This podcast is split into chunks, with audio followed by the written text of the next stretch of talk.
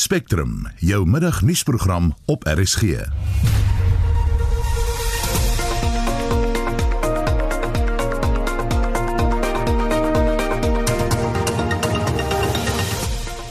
In vermiddag se program twee polisielede van Klerksdorp is uit hulle poste ontslaan nadat hulle hul afdelingshoof valslik van rasisme beskuldig het. Onderhandelinge oor salarisverhogings in die staatsdiens duur voort. We have given this particular process 10 days to produce the results. Should it fail to produce the results, then we will follow the necessary processes in terms of declaring formal dispute. In 'n nuwe brug oor die Zambesi rivier kan handel tussen Botswana en Zambië bevorder. Goeiemiddag, die redakteur is John Estreisen, produksieregisseur Evert Snyman en ek is Susan Paxton. So by kans 4 minute oor 12 jy luister na Spectrum. Staatsdiensvakbonde en die regering is vir 'n 4de dag in onderhandelinge met 'n onafhanklike fasiliteerder oor salarisverhogings. Die internasionale arbeidsorganisasie is ook nou in die onderhandelinge betrokke om te poog om tot 'n vergelyk te kom. Esie de Klerk doen verslag. Die huidige ronde van salarisonderhandelinge tussen die regering en Staatsdiensunie het reeds 2 maande gelede begin. Unies eis 'n salarisverhoging van 7%. Die onderhandelinge het 'n dooiepunt bereik met die regering wat gesê het daar is geen beskikbare fondse vir verhogings oor die volgende 3 jaar nie. Vakbonde het toe die reg gehad om 'n formele klag by die kommissie vir versoening, bemiddeling en arbitrasie in te dien om te kan staak. Maar voordat dit kon gebeur, is 'n onafhanklike fasiliteerder vir onderhandelinge tussen die partye betrek en die Unie het ook aangedring daarop dat die internasionale arbeidsorganisasie by die onderhandelinge betrokke is. Die sameroeper van die Kusatu geaffilieerde vakbonde, Mokoena Maluleke, verduidelik. We are saying basically the ILO must see itself that the government has really started destroying collective bargaining by reneging on collective agreement that we signed in 2018. So therefore it must come in and be part of this particular process so that they themselves can be able to say to government, you are signatories to the conventions and the ILO, and therefore you must respect collective bargaining. You must put an offer on the table. Maluleke is optimisties op 'n positiewe uitkoms in die volgende paar dae. We have given this particular process 10 days to produce the results. Should it fail to produce the results, then we will follow the necessary processes in terms of declaring formal disputes. Maar die vereniging van staatsamptenare het 'n ander mening, sê die hoofbestuurder Ruben Maleka. Today's the date which we expect that out of the facilitation that the employer requested that they want to undergo to they would bring some relief or some sort of offer that can be considered by the unions today. Failing which, if that doesn't happen, we believe that uh, we have no point not to go into a conciliation mode. We respected them, we gave them enough time, and we believe that at this point in time, there's no any kind of negotiations or facilitation that will bring anything if nothing happens by close of business today. Dit was die hoofbestuurder van die Vereniging van Staatsamptenare Ruben Maleka. Die verslag is saamgestel deur Mbongeni Mutwa in Johannesburg en ek is Estie de Klerk vir SAK nuus. Twee polisielede van Klerksdorp in Noordwes is uit hulle poste ontslaan nadat dit aan die lig gekom het dat hulle hul afdelingshoof valslik van rasisme beskuldig het. Die 53-jarige Sedisa Teku en die 54-jarige Chris Mapana is in die Landdroshof in Stilfontein skuldig bevind aan crimen injuria, myneet en dwarsboming van die gereg nadat hulle luitenant-kolonel Anne Marie Oosthuizen in 2017 van rasisme beskuldig het. Solidariteit het daar bygestaan met die hofsaak en ons praat nou met Renata Barnard, die openbare sektor koördineerder by Solidariteit. Goeiemôre Renate. Goeiemôre Susan. Ehm um, vertel net weer vir ons wat het tot die gebeure gelei? Ehm um, Anna Marie Oosthuizen is 'n lid van Solidariteit en sy is ook 'n Suid-Afrikaanse polisie diensoffisier, luitenant-kolonel in Klerksdorp. Sy was op daardie stadium in 2017 Februarie 2017 die hoof van die MLB kantoor en die twee ehm um, adjudantoffisiere Tikwen Pana het onder haar direkte beheer gewerk.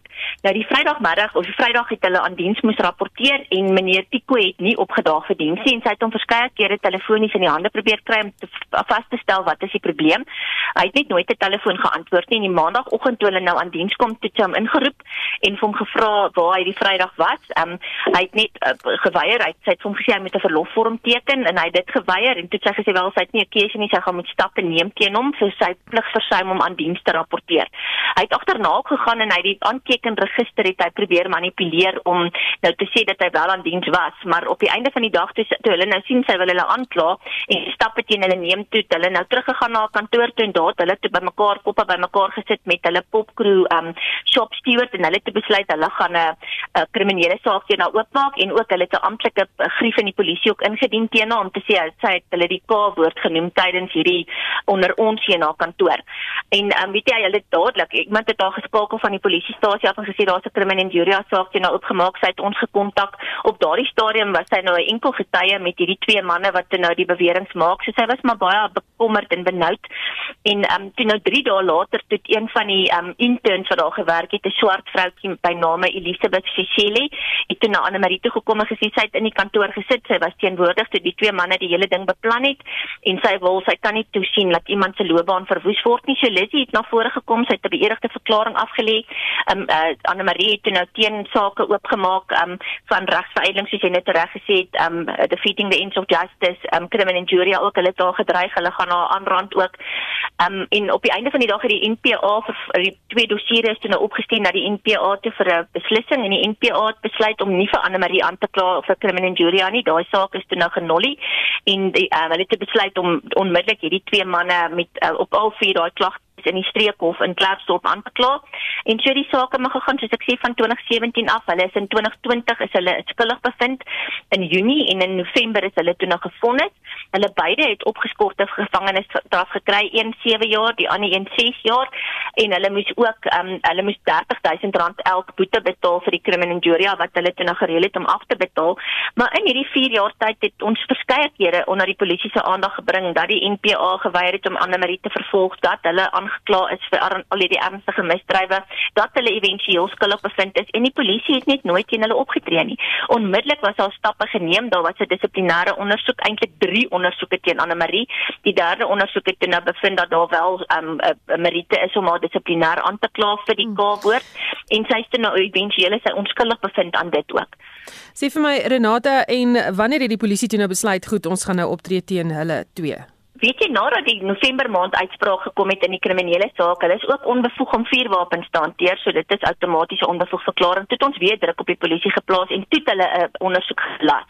So hulle is nooit skuldig of aangekla vir die ehm um, vals klagtes van rasisme intern in die polisie soos wat hulle beleidsvoorsiening maak nie, maar hulle is wel aangekla dat hulle skuldig bevind is aan 'n kriminele oortreding of aan 'n verskeie kriminele oortredings.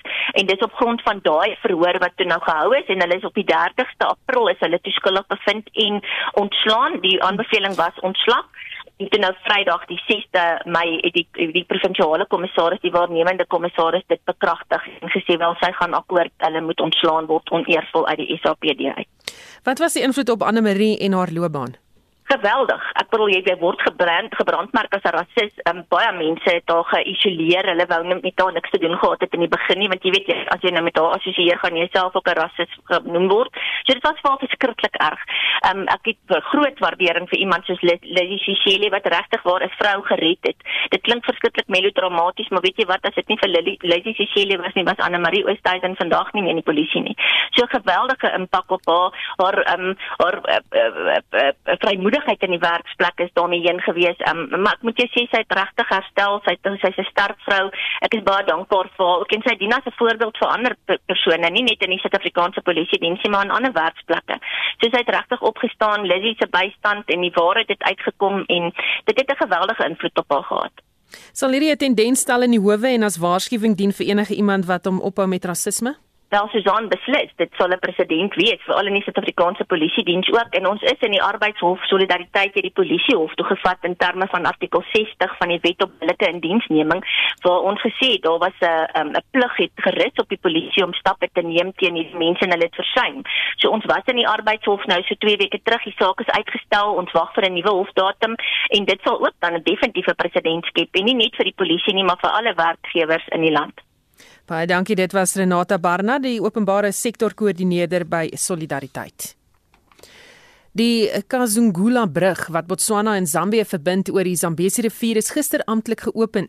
Die doel is om handel tussen die twee lande en in Suider-Afrika te bevorder.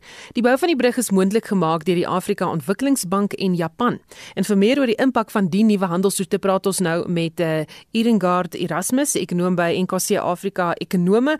Goeiemôre Irengard. Hallo Suzan en ook aan die luisteraars. Dankie vir die geleentheid. Hoe gaan hierdie brug daartoe bydra om handel oor die grense in Suider-Afrika te vergemaklik?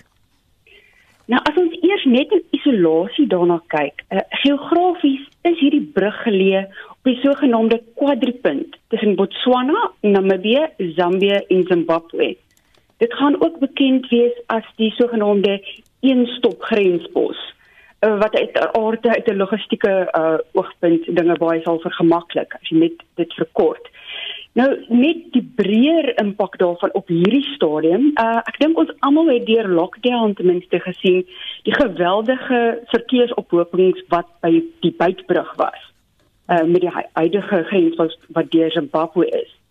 Nou met die nuwe Kazungula brug sal van hierdie verkeer verlig word.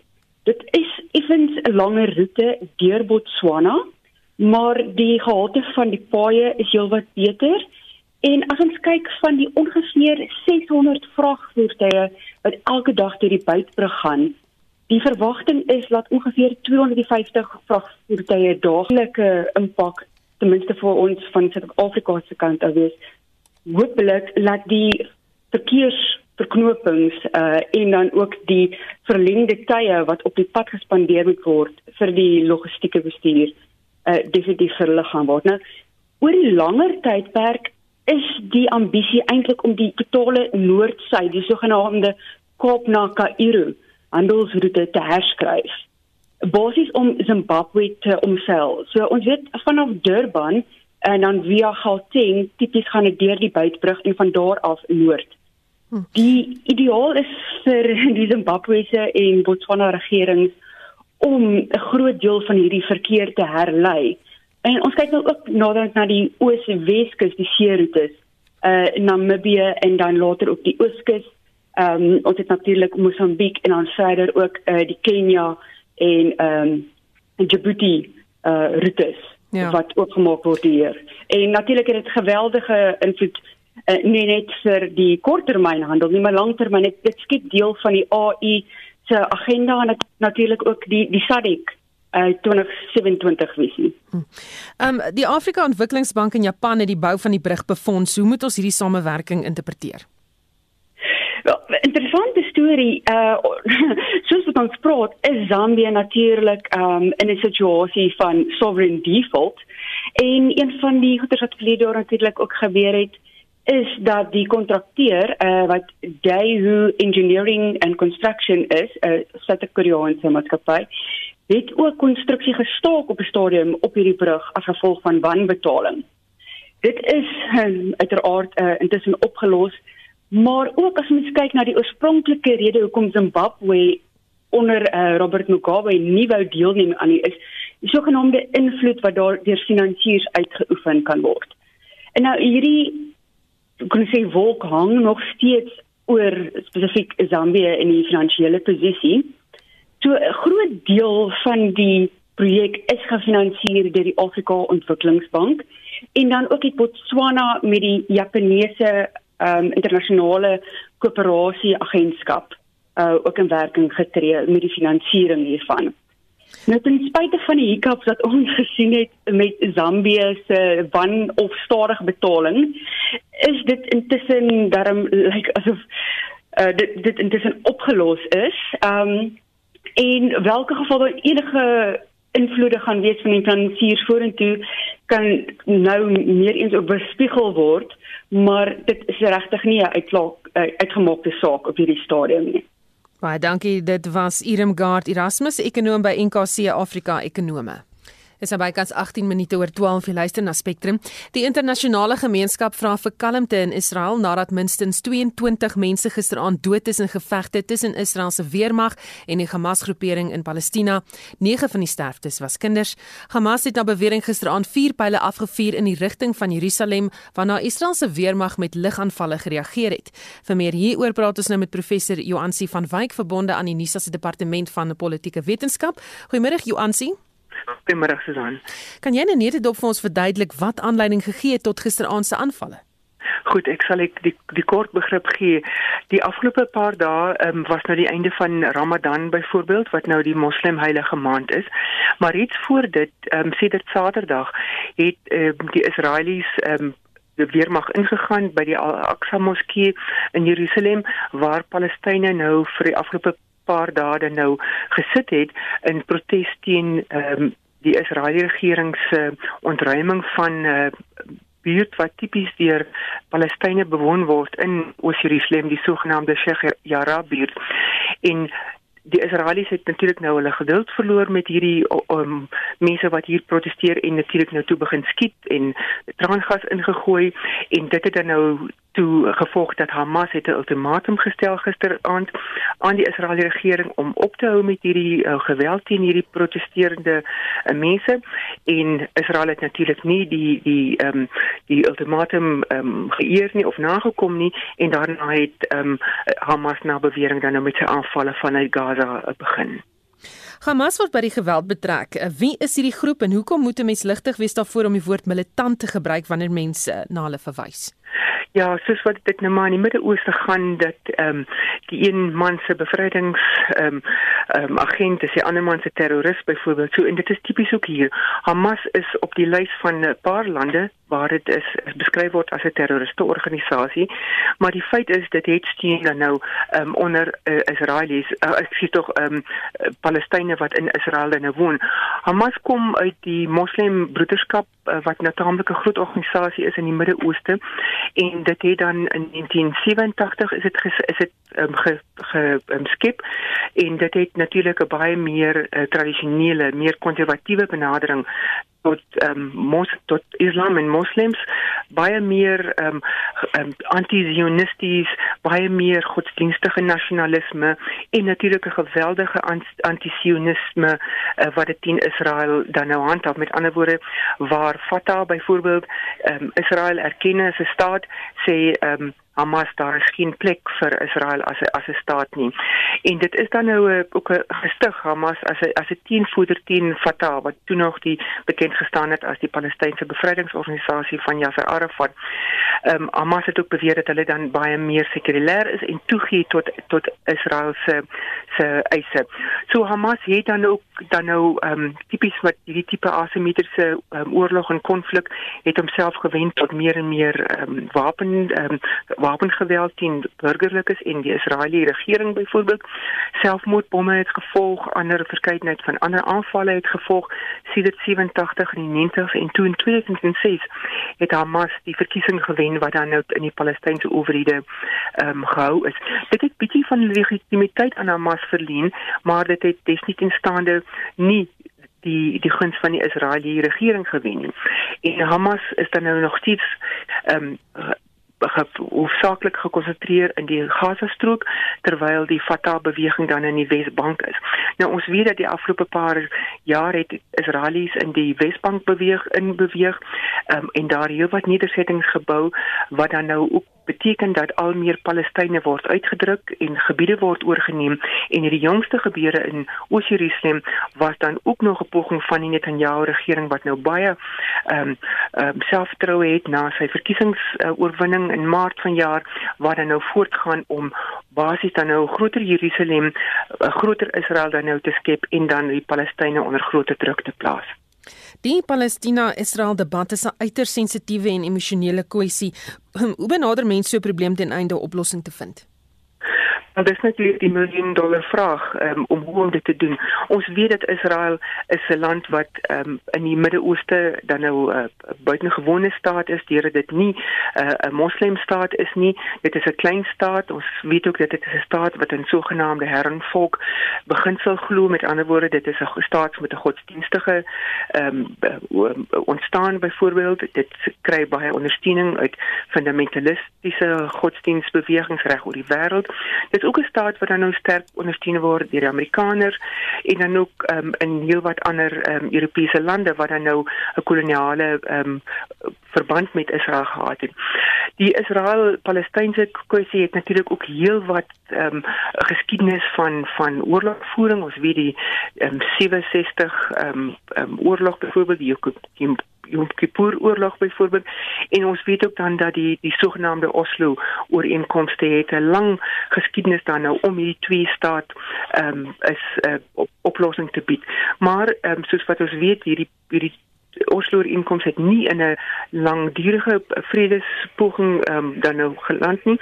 En laas jaar ehm um, Trump uh, president Trump van die FSA het dan nou ook sogenaamde Trump ooreenkomste op die tafel gesit. Hy het dit die deal of the century genoem toe wat dan basies ook maar net weer dan nou aan Israel se eise om groter grondgebied meer beheer dan nou toe te gee. Maar ons weet Trump is nie daar nie en ons sal hopelik um, sal die Biden administrasie dan nou ook weer betrek uh, betrokke daarbey raak, maar ons weet dit is 'n uitgerekte proses wat baie baie lank sal vat en soos wat jy reg genoem het, um, Hamas het soveel terme in terme van militant en daar is soveel woorde, narratief wat opgebou is oor beskuldigings van mekaar as 'n uh, um, Israel wat 'n besetter is, uh, militante. Net net die woordeskat van hierdie van hierdie mense in hierdie gebied sal ook moet verander om langdurige verandering te kry. En daar is ook pogings natuurlik van die burgerlike samelewing om dit wel te kan doen. Maar ons weet dat dit gaan nog baie lank vat en onderhandelinge ehm um, sal nog voortduur, maar basies moet dit tussen die Palestynë en die Israelies opgelos word. Baie dankie. Dit was professor Joansi van Wyk verbonde aan die Unisa se departement van politieke wetenskap. Verskeie politieke partye, landsburgers en ander rolspelers neem vandag landwyd deel aan pro-Palestynse optogte. Die direkteur van die menseregte organisasie Africa for Palestine, Mohammed Desai sê, hulle wil sodoende toon dat hulle sterk standpunt inneem teen aanvalle op Palestynse burgers in die Gaza-strook. We welcome as Africa for Palestine the various supports that have been coming from several communities and from members of the public in expressing outrage at the killings and at the murder and at the forcible removals of the Palestinian people. And at the same time, the solidarity and support that is being shown to the oppressed masses of Palestine, a people who once supported us during the struggle against apartheid. We do hope that not only will the violence come to an end, but that peace will eventually return to the land of Israel and Palestine. Dit was die direkteur van die menseregte organisasie Africa for Palestine, Mohammed Desai. Dr Salim Abdul Karim, die voormalige voorsitter van die ministeriële advieskomitee oor COVID-19 en werksaam by die Wêreldgesondheidsorganisasie sê hy vrees dat die COVID-virus weer sal muteer gedurende die derde vlaag. Karim sê ons gaan ook nie genoeg mense ingeënt hê voor die golf tref nie en daar moet mense aanhou om goeie higiëne toe te pas en hulle maskers te dra.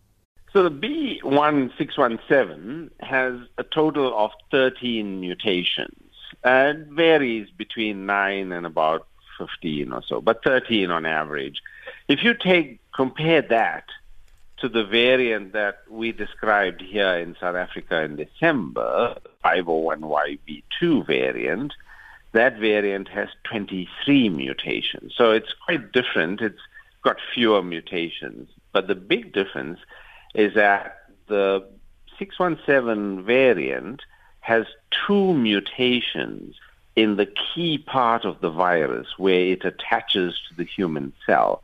One of those mutations is the same that we have in the 501YV2. And that's the mutation at position 484. And that's a critically important mutation because at that point, the virus is normally negatively charged. When it mutates, it becomes positively charged. So At position 484 normally, the virus is negatively charged, the cell is normally negatively charged. So the two repel each other. However, when the virus mutates at 484 becomes positively charged, the two now attach, positive and negative attach to each other. So the binding of the virus to the cell is much stronger when that mutation occurs. And that's why the mutation at 484 is so common. You know, it's the same mutation in mm. Brazil, in California, in New York, and in and now we're seeing it in India and in South Africa. Karim sê glo dat as jy reeds in die tweede golf van infeksie siek geword het, behoort jy 'n mate van immuniteit te hê teen die variant afkomstig van Indië. Individuals who then acquired the infection COVID-19 during our second wave will have encountered a virus that's quite similar. And because they would have encountered it, they would share a lot of the similarities. And so your immune system would recognize this, we think. Now, what I'm describing is what we understand and extrapolate. It hasn't been shown clinically that somebody with past infection is protected, but that's what we would expect based on the available evidence we see. Karim sê egter dat die gevaar lê by 'n variant wat nog nie in Suid-Afrika voorheen voorgekom het nie. But our real concern is if we have a new variant that is created in our context. In other words, somebody who has protection against 501, has the antibodies against the 501YV2, develops a mutant, develops a variant where the virus mutates to escape those immune responses because that's what we have to worry about. And that's what happened in our second wave. We had a variant that was created that was able to escape the viruses we had in the first wave. So we worried about the same thing now, that we would end up with a new variant that would be created here that would escape the available immunity we have. Because if it escapes that immunity, it can then run through our entire population again because people with past infection would not be protected. Karim sê die toename in infeksiegetalle behoort almal aan te spoor om goeie higiëne toe te pas en maskers te dra. What we seeing in three of our provinces is concerning. Northern Cape, Free State and Northwest. And for me, the most concerning thing is that in the Northern Cape and the Free State, it seems that the B117 variant is now spreading there. If that happens, that's a very fast moving virus. It spreads quite rapidly. So if that's happening, and looks like that's what's happening there right now, we'll see quite a lot of infections occur quickly. If that is allowed to continue unchecked, and we are complacent and not following the rules, then there's a big risk that that could now spread. En dit was Dr Salim Abdul Karim, die voormalige voorsitter van die ministeriële advieskomitee oor COVID-19 en nou werksaam by die Wêreldgesondheidsorganisasie. Spectrum, jou middagnuusprogram op RSG.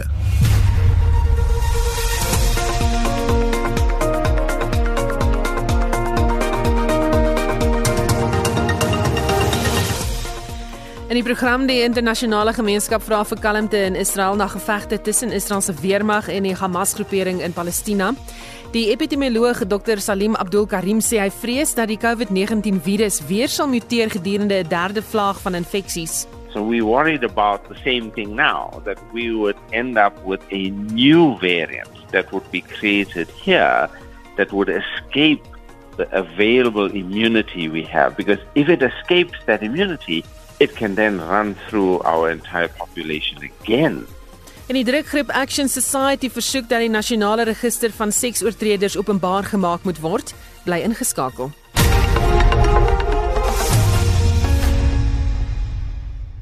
Die departement van binnelandse sake het vanoggend voor die parlement se portefeulje komitee verskyn om verslag te doen oor onder meer die heenkome van vlugtlinge in Kaapstad.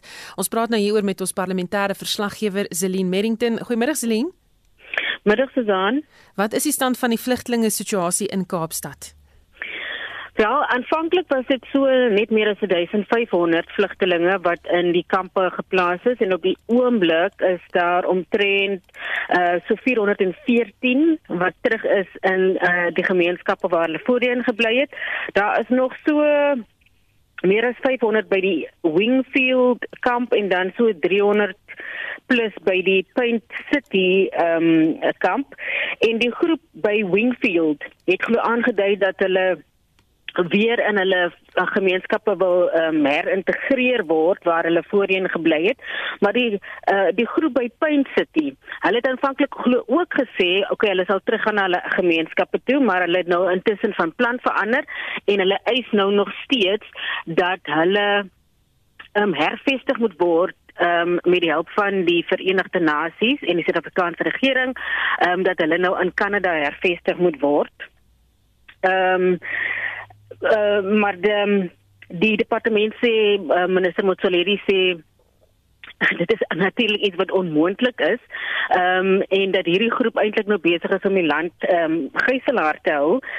So die plan nou is ehm um, dat teen die 15de van hierdie maand moet hulle nou uitwees, is net eh, 'n uh, paar dae van nou af.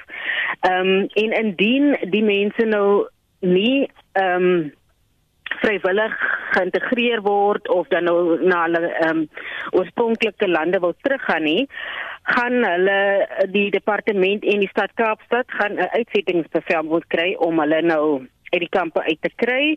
Maar die Verenigde Nasies se vlugtelingagentskap het 'n uh, goeie aanbod gemaak ehm um, dat diegene wat weer terug in hulle ou gemeenskappe geïntegreer wil word. Die VN sal betaal vir hulle vir akkommodasie en ehm um, kyk toe sien dat hulle ehm um, kos het en dat hulle versorg is vir ehm um, 3 maande. Maar die wat nou nie die aanbod wil aanvaar nie, sal nou natuurlik nou hierdie uitsettingsbevel in die gesig staar en die aanbod van die VN kom ook die 15de tot 'n einde. Dan moet jy weet almal nou 'n ander plan maak as hulle nou nie die goeie aanbod die komitee het gesê dit is 'n baie goeie aanbod en as hulle nie die ehm um, aanbod wil aanvaar nie dan sal die mense dan nou die uitsettings ehm um, bevel in gesig moet staar. Is enige spesifieke oplossings deur die departement gegee oor hoe om die situasie op te los? Die groep kyk die ehm um, dit klink asof die oplossing van al die rolspelers, dis nou die stad Kaapstad, die departement, die VN en ook ehm um, die menseregte kommissie sê dat aan die einde van die dag ehm um, as die uitsettings sou omtrent die enigste oplossing wat hulle nou ehm um, dis al wat hulle kan doen op die stadium want aan die einde van die dag JP Smith van die stad Kaapstad sê hulle het nou al vir akkommodasie alleen het hulle by die 6 miljoen rand spandeer en dit sluit nou nie ander dienste in nie. En hy sê as ander dienste ingesluit word sal die bedrag aansienlik hoër wees. Die departement en die menseregte kommissie en die VN sê weet hulle kan net nie meer die besigheid nou finansier nie. So uitsettingsbevel op die stadium lyk net die enigste oplossing, maar dan is die probleem nou, wat doen jy nou met die mense as hulle nou ehm um, nie inkome het nie?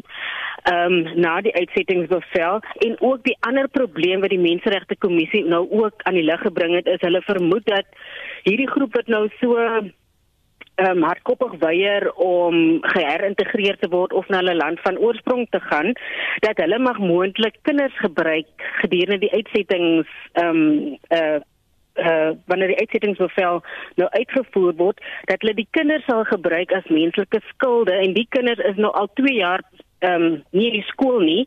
So dit is ook 'n ander probleem Maar dit is nou 'n groot vrees wat die menseregte kommissie um, vanoggend aan die medikomitee gedeel het dat hulle dink dat hulle sterk vermoed het dat die kinders gebruik sal word as beskerming tussen die ehm um, die leiers of ehm um, die mense in die kamp en die polisie. So ehm um, dit dit is nou vir hulle 'n groot kommer oor wat gaan nou gebeur en hoe gaan hierdie hele uitsettingsbevel nou hoe gaan hierdie hele uitsetting ehm um, gebeur sonder dat daar nou enige iemand seer kry en vir al die kinders nou skade ly en so aan.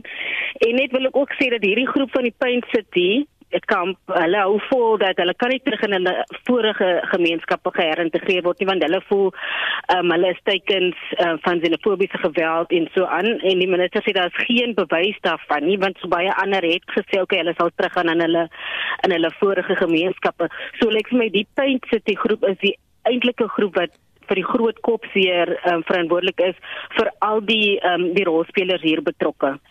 Baie dankie, dit was ons parle parlementêre verslaggewer Zelin Merrington.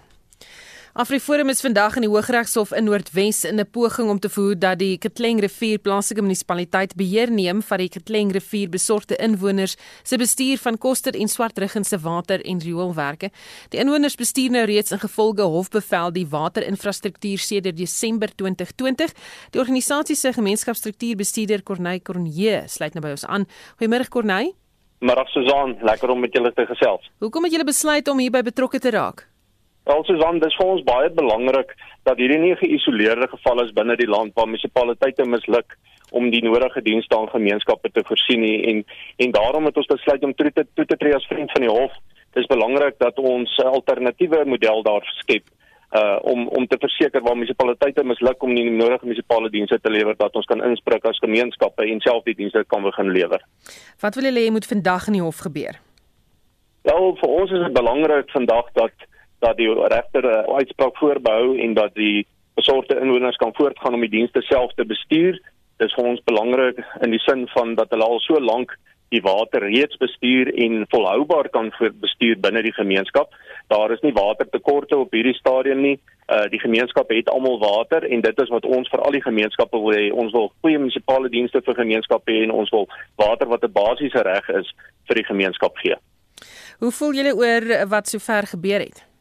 Ja, kyk, ons is nog vanoggend in die hof. Advokaat Gerry Nel is besig om nou uh in die hof oor die minagtingsaansoek teen die munisipale bestuurder.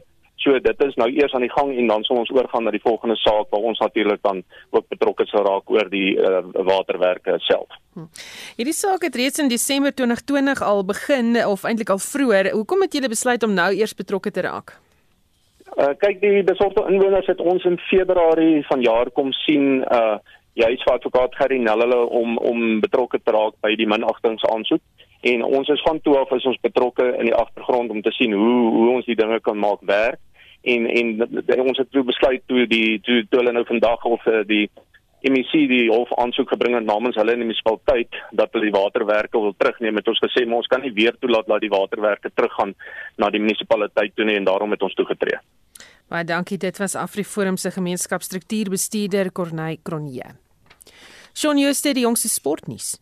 Eerstens in sokkernuus, die nuwe Bafana Bafana afrigter Hugo Broos het gisteraand in Suid-Afrika aangekom en 'n slag gereed vir wat voorlê. Sy eerste taak is om Suid-Afrika vir aanstaande jaar se Wêreldbeker toernooi in Qatar te kwalifiseer. Die kwalifikasiefase is na September uitgestel. Hy wil ook van die ou bene in die span ontslaa raak en jong spelers inbring. In die DStv Premierliga kom AmaZulu vanmiddag 3 uur teen Baroka FC en Stellenbosch FC dieselfde tyd teen Orlando Pirates te staan. Manchester United draf vanaand 7 uur in die Engelse Premier Liga teen Leicester City op die baan uit. Indien United verloor, sal Manchester City as kampioen gekroon word.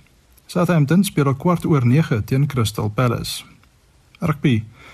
Die All Blacks skrimskakel TJ Perenara het sy kontrak met die Nieu-Seelandse Rugby Unie tot na die 2023 Wêreldbeker toernooi in Frankryk verleng. Hy sal weer by sy Hurricanes spanmaats aansluit sodra sy kontrak met die Japaneese klub NTT Tacoma Red Hurricanes tot 'n einde kom. Laastens in tennisnuus. Vandag by die Meesterstoernooi in Italië in die tweede ronde van die mansafdeling, sê die eerste gekeerde Novak Djokovic van Servië en die Amerikaner Taylor Fritz, die derde gekeerde Rus Daniel Medvedev en sy landsgenoot Aslan Karatsev en die elfde gekeerde Spanjaard Pablo Carreno Busta en Kei Nishikori van Japan mekaar die stryd aan. In die eerste ronde van die vroue afdeling stap die nommer 14 van België, Elise Mertens teen die Rus Veronika Kudermatova, die 12de gekeerde Spanjaard Garbin Muguruza teen Anastasia Pavlyuchenkova ook van Rusland en die Brit die nommer 16 Joanna Konta teen Jelena Ostapenko van Letland op die baan uit. Etienne Ludik is vanmiddag net na 4 en 5 in spitstyd terug met nog sportnuus. En dit was Shaun Jooste van RSG Sport. Die voormalige bestuurshoof van die spooragentskap eh, Prasa, Lucky Montana, getuig steeds voor die staatskapingskommissie. Esie de Klerk hou die verrigting vir ons dop en ons praat nou met haar. Esie Montana is gister uitgevra oor eiendomme wat hy besit. Ja, Susan, getuienisleier advokaat Was Souni het gister begin om getuienis te lei oor spesifiek 4 eiendomme wat Montana besit en Montana het beweringe ontken dat hy enige eiendomme in Johannesburg en Pretoria gekoop het met Prasa se geld. Nou Montana beweer hy word daarvan beskuldig dat hy 36 miljoen rand gesteel het. En hy's vandag deur advokaat Souni uitgevra oor 'n eiendom in Parkwood, Johannesburg wat hy vir 6,8 miljoen rand aan 'n ene meneer van der Walt verkoop het. Nou die 6,8 miljoen rand is nie direk in Montana se bankrekening inbetaal nie en hier verduidelik Montana presies hoe hierdie geld oorbetaal is. 6.8. You remember, Chair, when you look at my account, at that time, you will not even find a 6.8 mm. that is deposited into my account. Yeah. Usually yeah. you'll see that this side and that side. Yeah. The reason why I don't see it is precisely is, is for one thing, because I then ask him, settle the bond, the bond cancellation comes from that amount. Mm. Because I'm paying, I'm settling the bond. Mm. The second issue relates that was a two million that was paid as deposit. And I think, Chair, that the, uh, the 2 million there's mentioned once. Mm-hmm. So there's a 2 million for the bond cancellation. Mm-hmm. There's a 2 million for the deposit to Hallingham. Mm-hmm. So those are the 2 And then there's a third payment. Basically pay for the ERF 161 Waterkloof, which I mentioned uh, in the in, in my in my in my statements. Mm. So those three chair are definite. Uh, uh, I'm saying definitely. You are definite about those, yeah. Exactly, chair. So I can confirm that. Nou Lucky Montana, skus Susan, Lucky Montana se getuienis voor die kommissie duur voort oor hierdie eiendomme waaroor hy deur advokaat was sou nie uitgevra word. Baie dankie, dit was Essie de Klerk wat die verrigtinge by die staatskapingskommissie vir ons dophou. Die nasionale register van seksoortreders moet openbaar gemaak word. Die groep Action Society voer aan dat dit in die belang van die publiek is dat die register maklik toeganklik is. Ntombi Majila, die registrateur van die nasionale register van seksoortreders, waarsku egter dat dit nie openbaar gemaak moet word nie. One, it might spark vigilantism.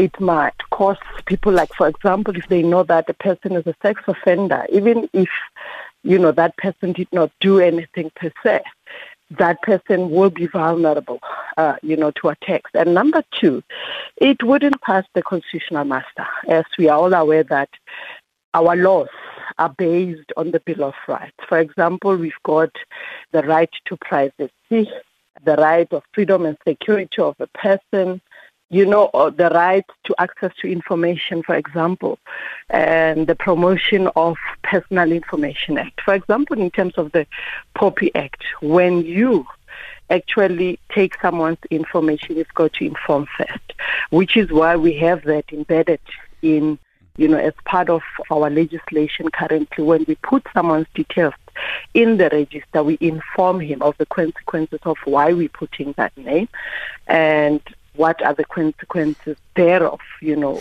this person will not be allowed to work with children stuff like that. Magila sê die register is egter nie geheel en al onbekombaar nie. When the speaker said there is no way of people knowing, there is a way.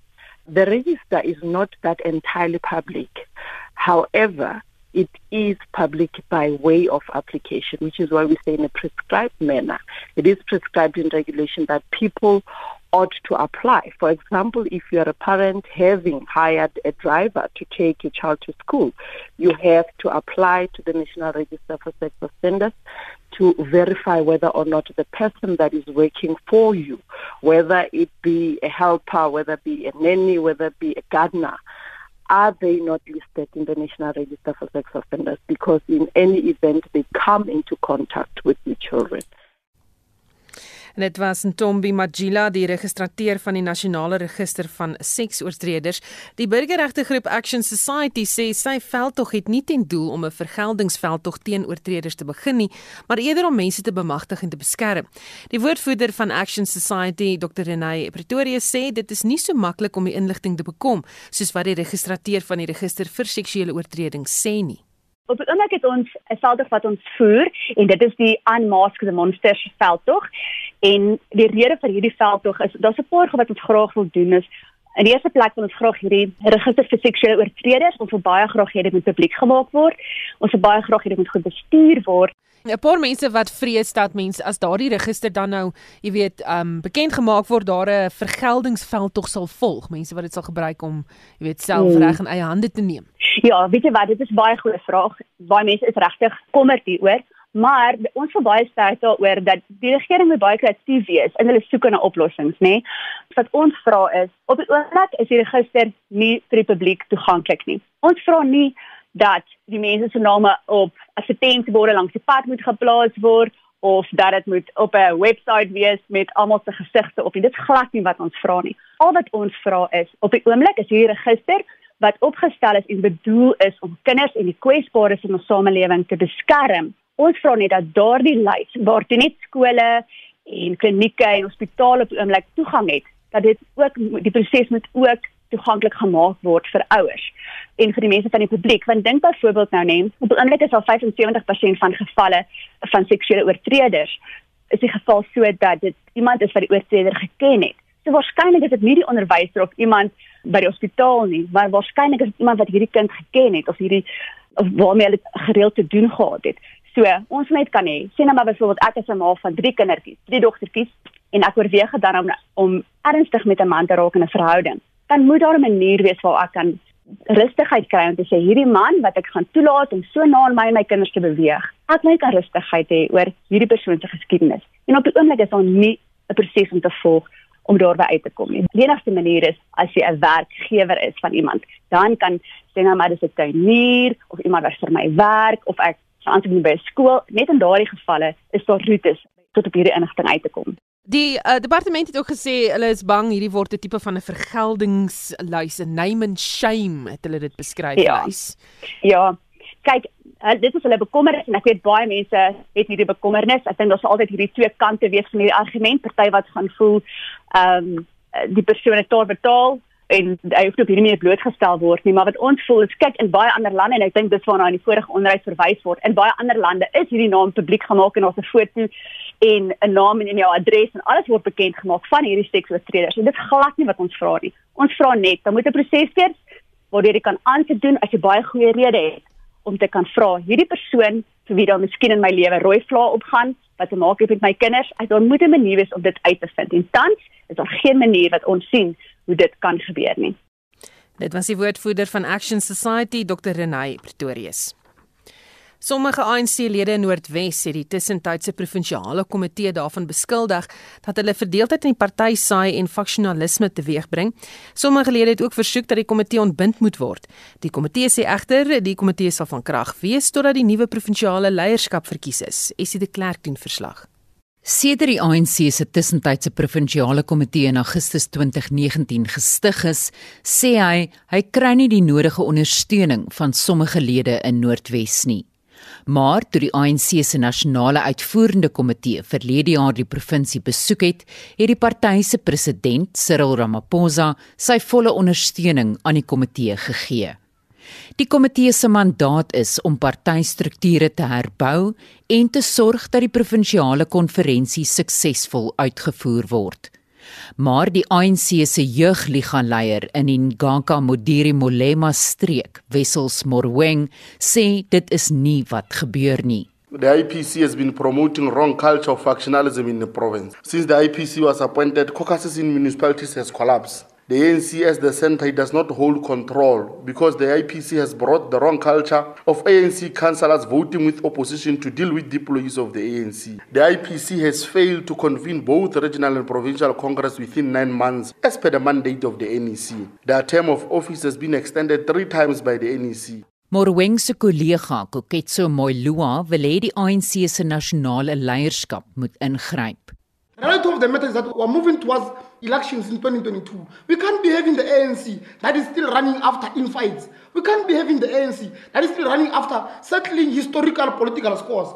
We are pleading with the National Executive Committee of the ANC to rethink, to change their minds that please come down to the Northwest Province, come and fix the problem that we're having. Die koördineerder van die tussentydse provinsiale komitee, Slomani Chauke, sê hulle sal aanbly totdat hulle mandaat voltrek is.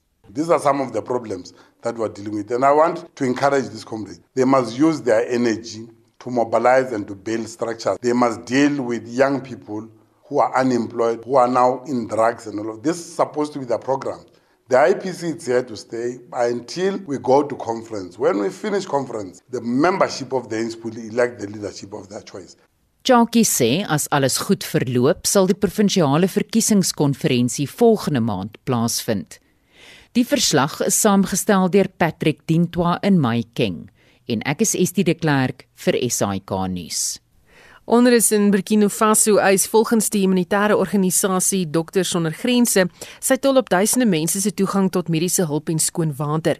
Die organisasie werk saam met die regering om verligting te bring in veral die Sahelstreek, maar hulle forceer meer besonderhede. Die hoof van die organisasie se besendings in die land, Mamadou Jara, sê bykomende humanitêre hulp is dringend nodig in veral die Sahelstreek waar konflik dikwels uitbreek. insecurity and access to the population in the countries. Hotspots are also a challenge in delivering our service and aid to the right population. As of March 2021, more than 80 health centers have stopped functioning.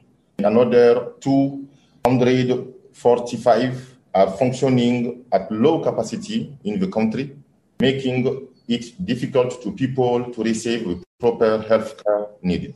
Die organisasie is betrokke in 7 van 13 streke waar mediese en ander hulp sedert die begin van die jaar aan duisende inwoners gebied is. Our service include basic health care, service in the health center, hospitalization service in other centers. We are also involved in routine vaccination in support to the Ministry of Health. On a non-medical level, we run distribution campaign for water and other non-food items like soap and water gallon to people in the desert region. Hoewel verskeie ander organisasies wat die VN insluit ook in die gebied werksaam is, bly die nood groot en word daar nie bygehou nie. On top of the medical care, there is a major need for shelter, wash and protection for the people as well as food and financial support. Access to clean water and proper hygiene is also major challenge in many of region of Burkina Faso. Dit was Dokters sonder Grense se hoof van die besending na Burkina Faso, Mamadou Jara. Marlene Forsie, SAK nuus. Tyd vir opsomming van ons hoofstories van die dag, Marlene, jy die mikrofoon. Dankie Susan. Solidariteit se openbare sektor koördineerder Renata Barnard sê valse aanklagte van rasisme in die werkplek mag nie geduld word nie en dat die werksplek verantwoordelikheid moet aanvaar om werknemers te beskerm. Dit volg op 'n saak waar twee mans wat 'n vrou valslik van rasisme beskuldig het, les opgeset in die hof. Vertel ons van die Kasangula brug, Marlenae. Ja, hy is ehm um, gister tussen Botswana en Zambië geopen. Dit hou volgens 'n ekonom by NKC Afrika Ekonome, Ermgard Erasmus, verskeie voordele in vir Suider-Afrika. Ons kyk of ons daai klankgreepie het wat ons vroeër gesny het. Dit sal 'n presedent wees. Ons almal het deur lockdown ten minste gesien die geweldige verkeersophopings wat by die Buitbrug was. Met die nuwe Kazingula brug sal van hierdie verkeer verlig word. Dit is effens 'n langer roete deur Botswana, maar die gehalte van die paaie is heelwat beter. En as ons kyk van die ongeveer 600 vragvoertuie wat elke dag deur die buitbrug gaan, die verwagting is dat ongeveer 250 vragvoertuie daagliks eerder van die Kazungula grenspos gebruik sal maak. As hy Marlenae, het jy vir ons vinnig nuus oor die Gaza strook? Ja, gevegte het gisteraand daar uitgebreek en die internasionale gemeenskap vra vir kalmte in die gebied. Jy kan weer op die potgooi gaan luister wat professor Joansi van Wyk van Unisa hieroor gesê het. Baie dankie, dit was Marlenae Forsie met 'n opsomming. daarmee groet die Spectrum span bly ingeskakel vir 360 net hierna. SAK nuus. Onafhanklik, onpartydig.